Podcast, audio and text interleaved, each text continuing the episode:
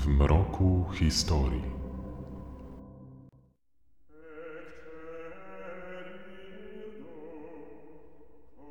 Od dwóch tysiącleci kolejni papieże stoją na czele Kościoła katolickiego.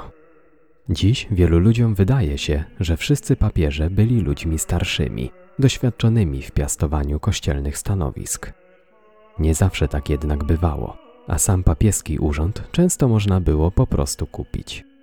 Nie ma wątpliwości, że ich historia nie jest bez skazy. I choć zdarzali się biskupi Rzymu, do których nie można mieć żadnych zastrzeżeń, to jednak tych kilku pozbawionych skrupułów grzeszników do dziś skutecznie rzuca cień na cały Watykan. Oto historia kilku średniowiecznych ojców świętych, którzy gorsi byli od samego diabła. Diabły w Watykanie. Część druga.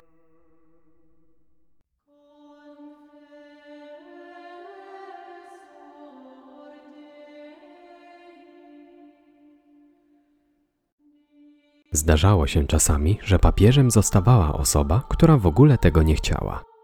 Urodzony w Wenecji w 1417 roku Pietro Barbo chciał zostać kupcem, tak jak jego ojciec Nicolo. Na pewno nie marzył o byciu ojcem świętym. Mało tego, Pietro nie chciał być nawet księdzem. Jednak jego wuj, papież Eugeniusz IV, nie liczył się w ogóle ze zdaniem swojego bratanka. Widział w nim swojego następcę i robił wszystko, aby ten plan zrealizować. Wbrew swojej woli, Barbo został archidiakonem Bolonii, potem biskupem Czerwi. Następnie przyszedł czas na kolejne stanowiska. W roku 1451 został biskupem najpierw Wiczęcy, później Padwy. Na konklawę po śmierci papieża Piusa II w roku 1464 Pietro w ogóle nie chciał przybyć. Po namowach zgodził się i ku swojemu ogromnemu rozczarowaniu został wybrany papieżem już po pierwszym głosowaniu. Nawet z wyborem swojego papieskiego imienia Pietro miał ogromne problemy. Słynący ze swojej urody początkowo chciał przyjąć imię Formosus, co po łacińsku znaczy piękny. Później Marco, nawiązując do weneckiego okrzyku bojowego. Odwiedziony od tych pomysłów został Pawłem II. Za jego plecami mówiono o nim narcyz, ponieważ bardzo często siadał przed lustrem i przyglądał się własnemu odbiciu. Z czasem dorobił się także innych niechlubnych przydomków, związanych z cechami swojego charakteru. Kardynałowie mówili o nim Pia Maria, czyli pobożna Maria, ponieważ słynął z wielogodzinnych modlitw. Zamykał się wtedy w swojej komnacie i nikt nie miał prawa mu przerywać. Dużo mniej przychylnym określeniem Pawła II był przydomek Dolore Domina Nostra, nasza Pani Bolesna, który wyśmiewał jego bardzo zniewieściały sposób bycia i fakt, że papież zaczynał płakać z byle powodu, nawet wtedy, gdy spotykał się z najdelikatniejszą odmową. Podczas swojego pontyfikatu Paweł II nie przywiązywał najmniejszej uwagi do swoich papieskich obowiązków. Chciał jedynie być podziwiany przez wiernych. Stworzył swój dwór wzorowany na dworach książęcych. Uwielbiał przepych i bogactwo. Kazał zrobić dla siebie tiarę, która swoją wartością przewyższała jego własny dom. Z watykańskiego skarbca wynosił ogromne ilości ozdób i klejnotów, które układał w swoim łożu. Całymi nocami oglądał wszystkie swoje kosztowności w towarzystwie swoich męskich faworytów, których hojnie nimi obdarowywał. W dzień spał, zupełnie nie przejmując się swoimi papieskimi powinnościami. Kolejną jego miłością były wszelkiego rodzaju rozrywki. Wydawał kościelny majątek na różne bale, przyjęcia, karnawały oraz wszelkie formy sportowej rywalizacji. Jedną z jego ulubionych zabaw było poniżanie mniejszości religijnych i biedoty. Na ulicach Rzymu organizował wyścigi, w których przymusowo ścigali się Żydzi, prostytutki, starcy, dzieci, kalecy, karły, osły i woły. Zgromadzona wzdłuż trasy wyścigu publiczność obrzucała biegnących wyzwiskami i kamieniami. Uczestnicy zawodów potykali się i upadali ku radości zgromadzonych tłumów. Gdy w skarbcu zaczęło brakować funduszy, zmusił miejscowych Żydów do pokrywania kosztów tych niecodziennych zawodów.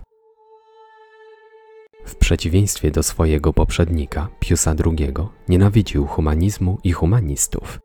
Szybko popadł z nimi w konflikt, ponieważ nie wykazywał absolutnie żadnego zainteresowania ich dziełami. Gdy zamknął Akademię Rzymską, nazwano go barbarzyńcą, który gardzi sztuką i nauką. W rewanżu Paweł II oskarżył ich o kultywowanie starożytnych wartości pogańskich. Widmo zbliżających się procesów o herezję zmusiło wielu humanistów do opuszczenia Rzymu. Pod koniec swojego pontyfikatu Paweł II zaczął gustować w torturach. Wielką satysfakcję przynosiło mu oglądanie nagich mężczyzn rozciąganych na kole. Im młodsi byli torturowani, tym lepiej. Gdy brakowało skazańców, papieżowi dostarczano niewinnych chłopców, zabranych prosto z ulicy. Paweł II osobiście pocieszał torturowanych nieszczęśników. Mówił im, żeby się nie martwili, ponieważ dobry Bóg wynagrodzi im w niebie wszystkie męczarnie. Przyczyny śmierci Pawła II nie są do końca jasne. Wiadomo tylko, że papież zmarł w Rzymie 26 lipca 1471 roku.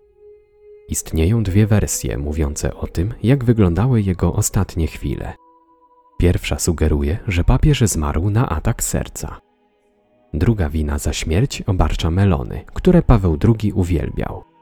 Podobno pewnej nocy najadł się nimi tak bardzo, że pękł mu żołądek. Obie te wersje są zgodne w jednym. Śmierć papieża miała nastąpić podczas ostrych igraszek z jego nieletnim służącym. Następcą znienawidzonego przez Rzymian Pawła II został Sykstus IV. Wszyscy mieli nadzieję, że nowy Ojciec Święty dokona moralnej odnowy Kościoła i przywróci sztuce należne jej w Watykanie miejsce. Jego wybór początkowo przyjęto z wielkim entuzjazmem.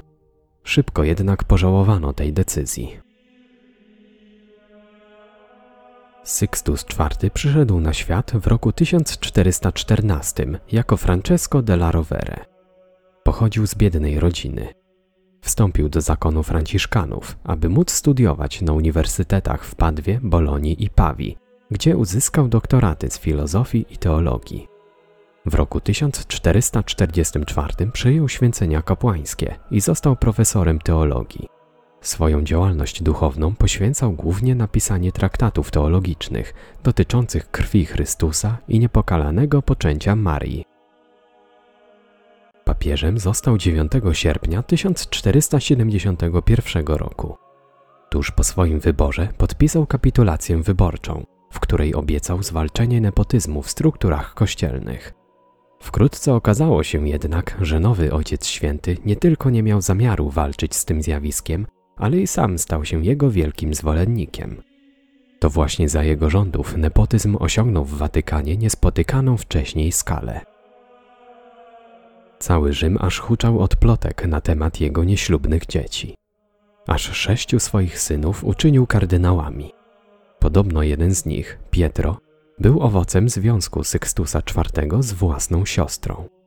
Mówiono także, że zarówno Pietro, jak i jego drugi syn, Giuliano, późniejszy papież Juliusz II, dopuszczali się kazirodczych aktów seksualnych z własnym ojcem w zamian za klejnoty z watykańskiego skarbca.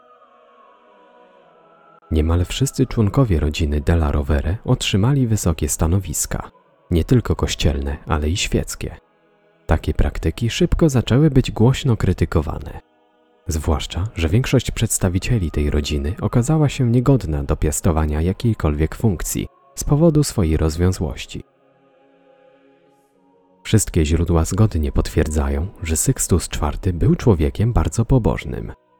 Nie przeszkadzało mu to jednak wykorzystywać papieski tron do własnych celów. Niemal całą swoją uwagę poświęcał nie sprawom boskim, ale pomnażaniu własnego majątku. Podniósł wszelkie możliwe podatki. Wprowadził także nowe. Papież był niezwykle wyrozumiały dla grzeszników. Wspaniałomyślnie dawał im rozgrzeszenie. I to często zanim jeszcze ci zdążyli zgrzeszyć. Oczywiście po wcześniejszym opłaceniu stosownego podatku. Każdy, kto chciał mieć kochankę, musiał za ten przywilej zapłacić tysiąc dukatów rocznie. Nieco wyższy podatek obowiązywał za pełne prawo do dotrzymania towarzystwa mężatce podczas nieobecności jej małżonka.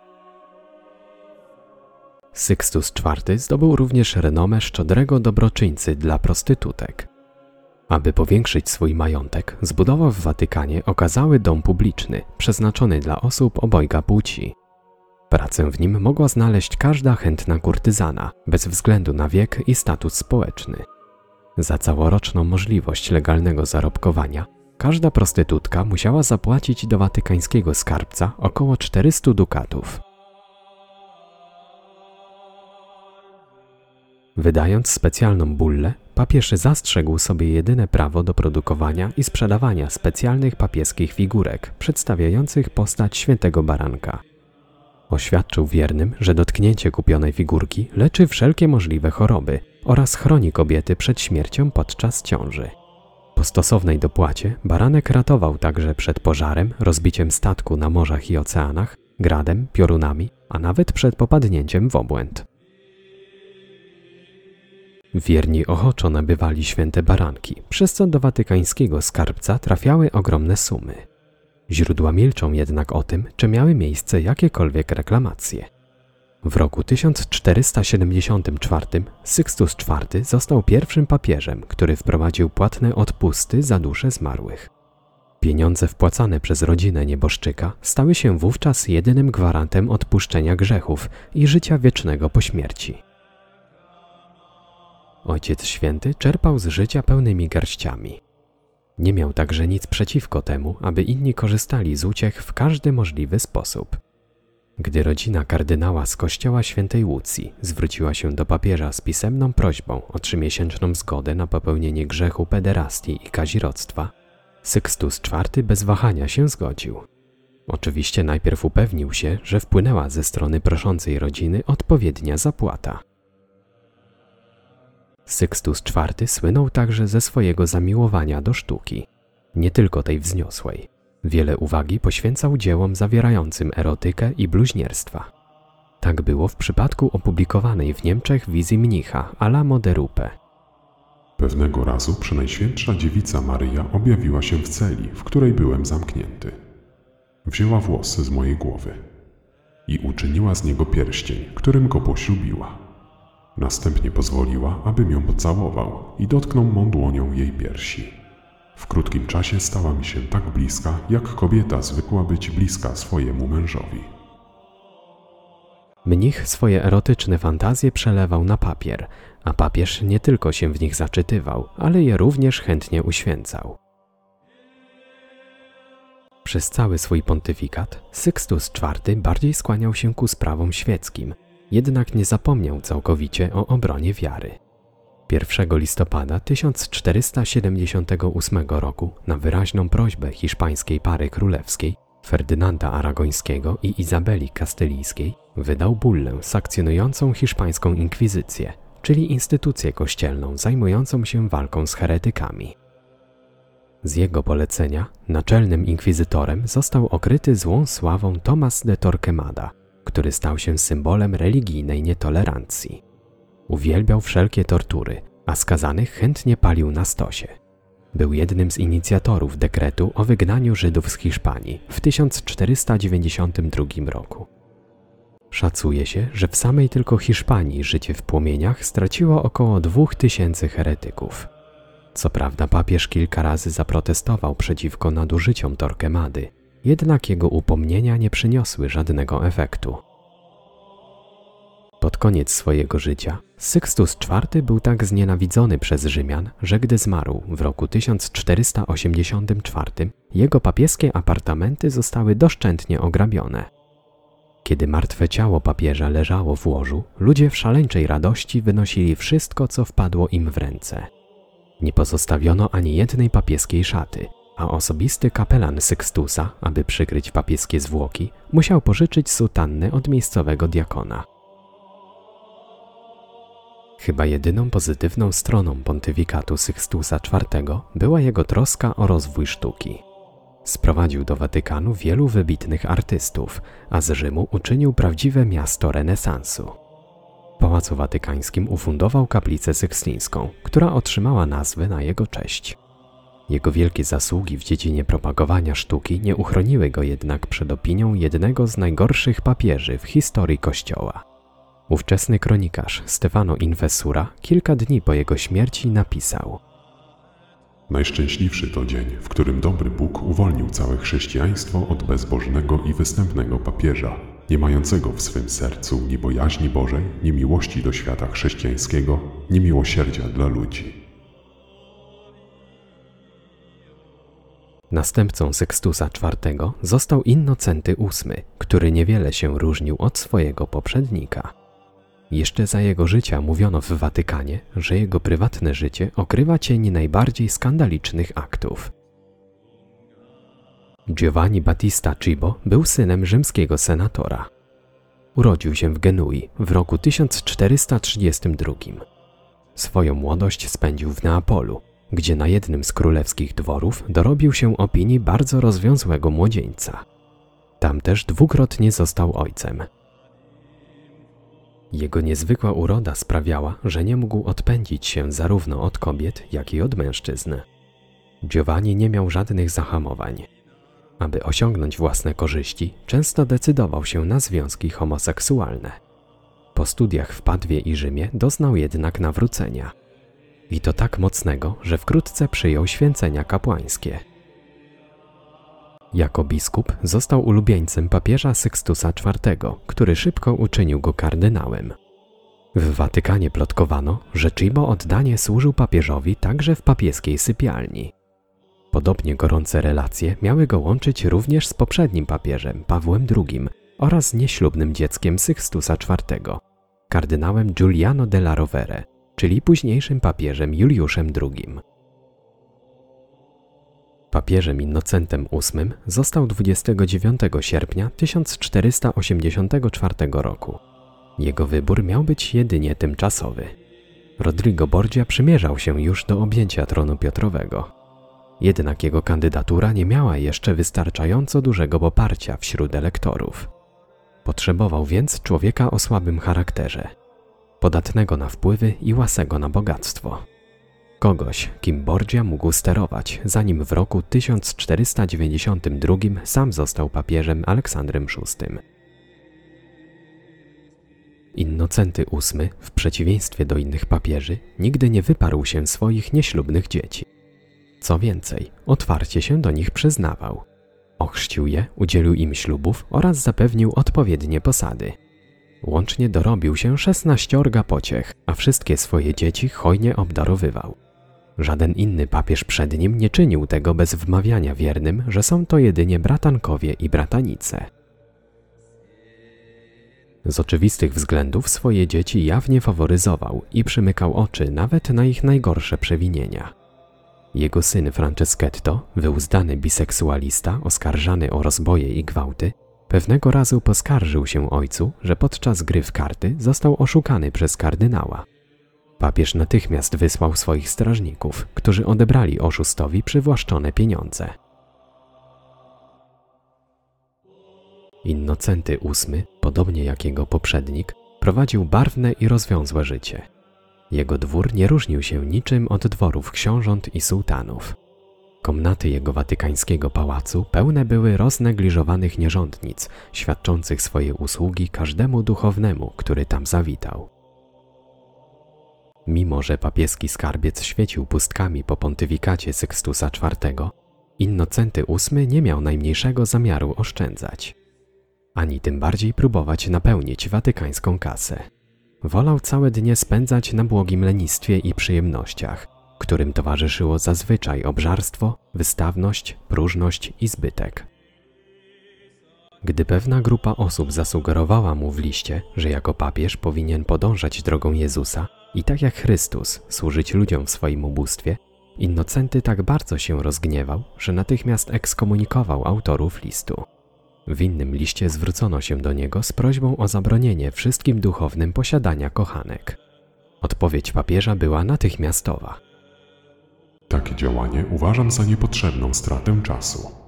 Jest to rzecz tak powszechna wśród zwykłych kapłanów, a nawet wśród przedstawicieli kurii, że trudno dziś znaleźć choćby jednego takiego kapłana, który żyje bez konkubiny. Tylko jednego papież panicznie się bał czarów. Był przekonany, że czarna magia próbuje podporządkować sobie cały chrześcijański świat. W związku z tym wydał papieską bullę Summis Desiderantes Affectibus, w której napisał Kobiety, odchodząc od wiary katolickiej, oddały się szatanowi i demonom, z którymi odbywają stosunki seksualne podczas snu. Demony te poprzez pary, zaklęcia i przeklęte słowa zabijają potem swoje dzieci, pozostające jeszcze w łonie matki. Zabijają również potomstwo wszelkiego bydła i niszczą płody ziemi. Powstrzymują żony przed odbyciem stosunku płciowego z mężami i przed poczęciem. Dlatego też mężowie nie mogą posiąść swych żon, bo one nie chcą przyjąć w sobie swych mężów. Bulla ta pojawiła się jako wstęp do sławnej księgi zatytułowanej Młot na czarownicę. Dzieło to, opublikowane w roku 1487, stało się instrukcją wykrywania oraz karania ludzi oskarżonych o czary i kontakty z diabłem. Za zgodą papieża przemierzano miasta i wsie, tropiąc czarownice. W celu wymuszenia przyznania się do obcowania z szatanem stosowano najróżniejsze tortury. Biczowanie, zdzieranie szat, łamanie kołem, miażdżenie palców, topienie. Papież pochwalał te metody, nie widząc w nich nic złego. Jego zdaniem cel uświęcał środki, a demony musiały zostać pokonane raz na zawsze. Ostatnie chwile życia Innocentego VIII również nie były godne urzędu, który sprawował od ośmiu lat. Gdy tylko poczuł, że jego ziemski czas dobiega końca, poprosił o spełnienie jego ostatniego życzenia. Chciał wypić mleko z kobiecej piersi.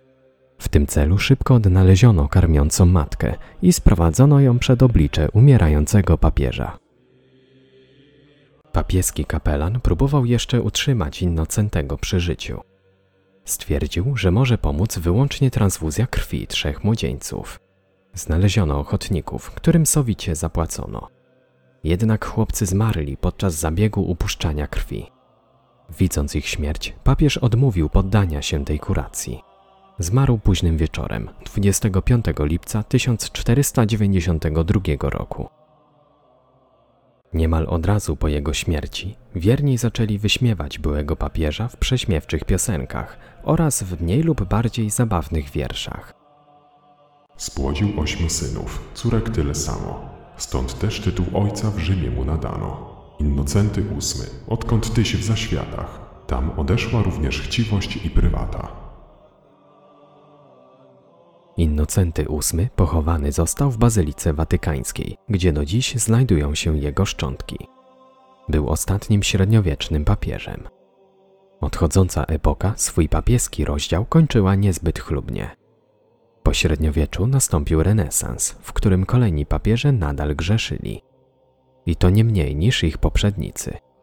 Wśród tych najgorszych ojców świętych renesansu zdecydowanie wyróżnił się Rodrigo Borgia, czyli papież Aleksander VI. Ale to już temat na zupełnie inną historię.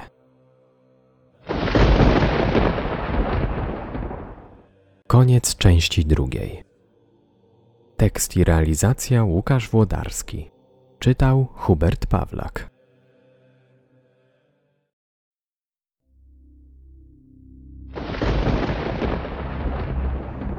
W mroku historii.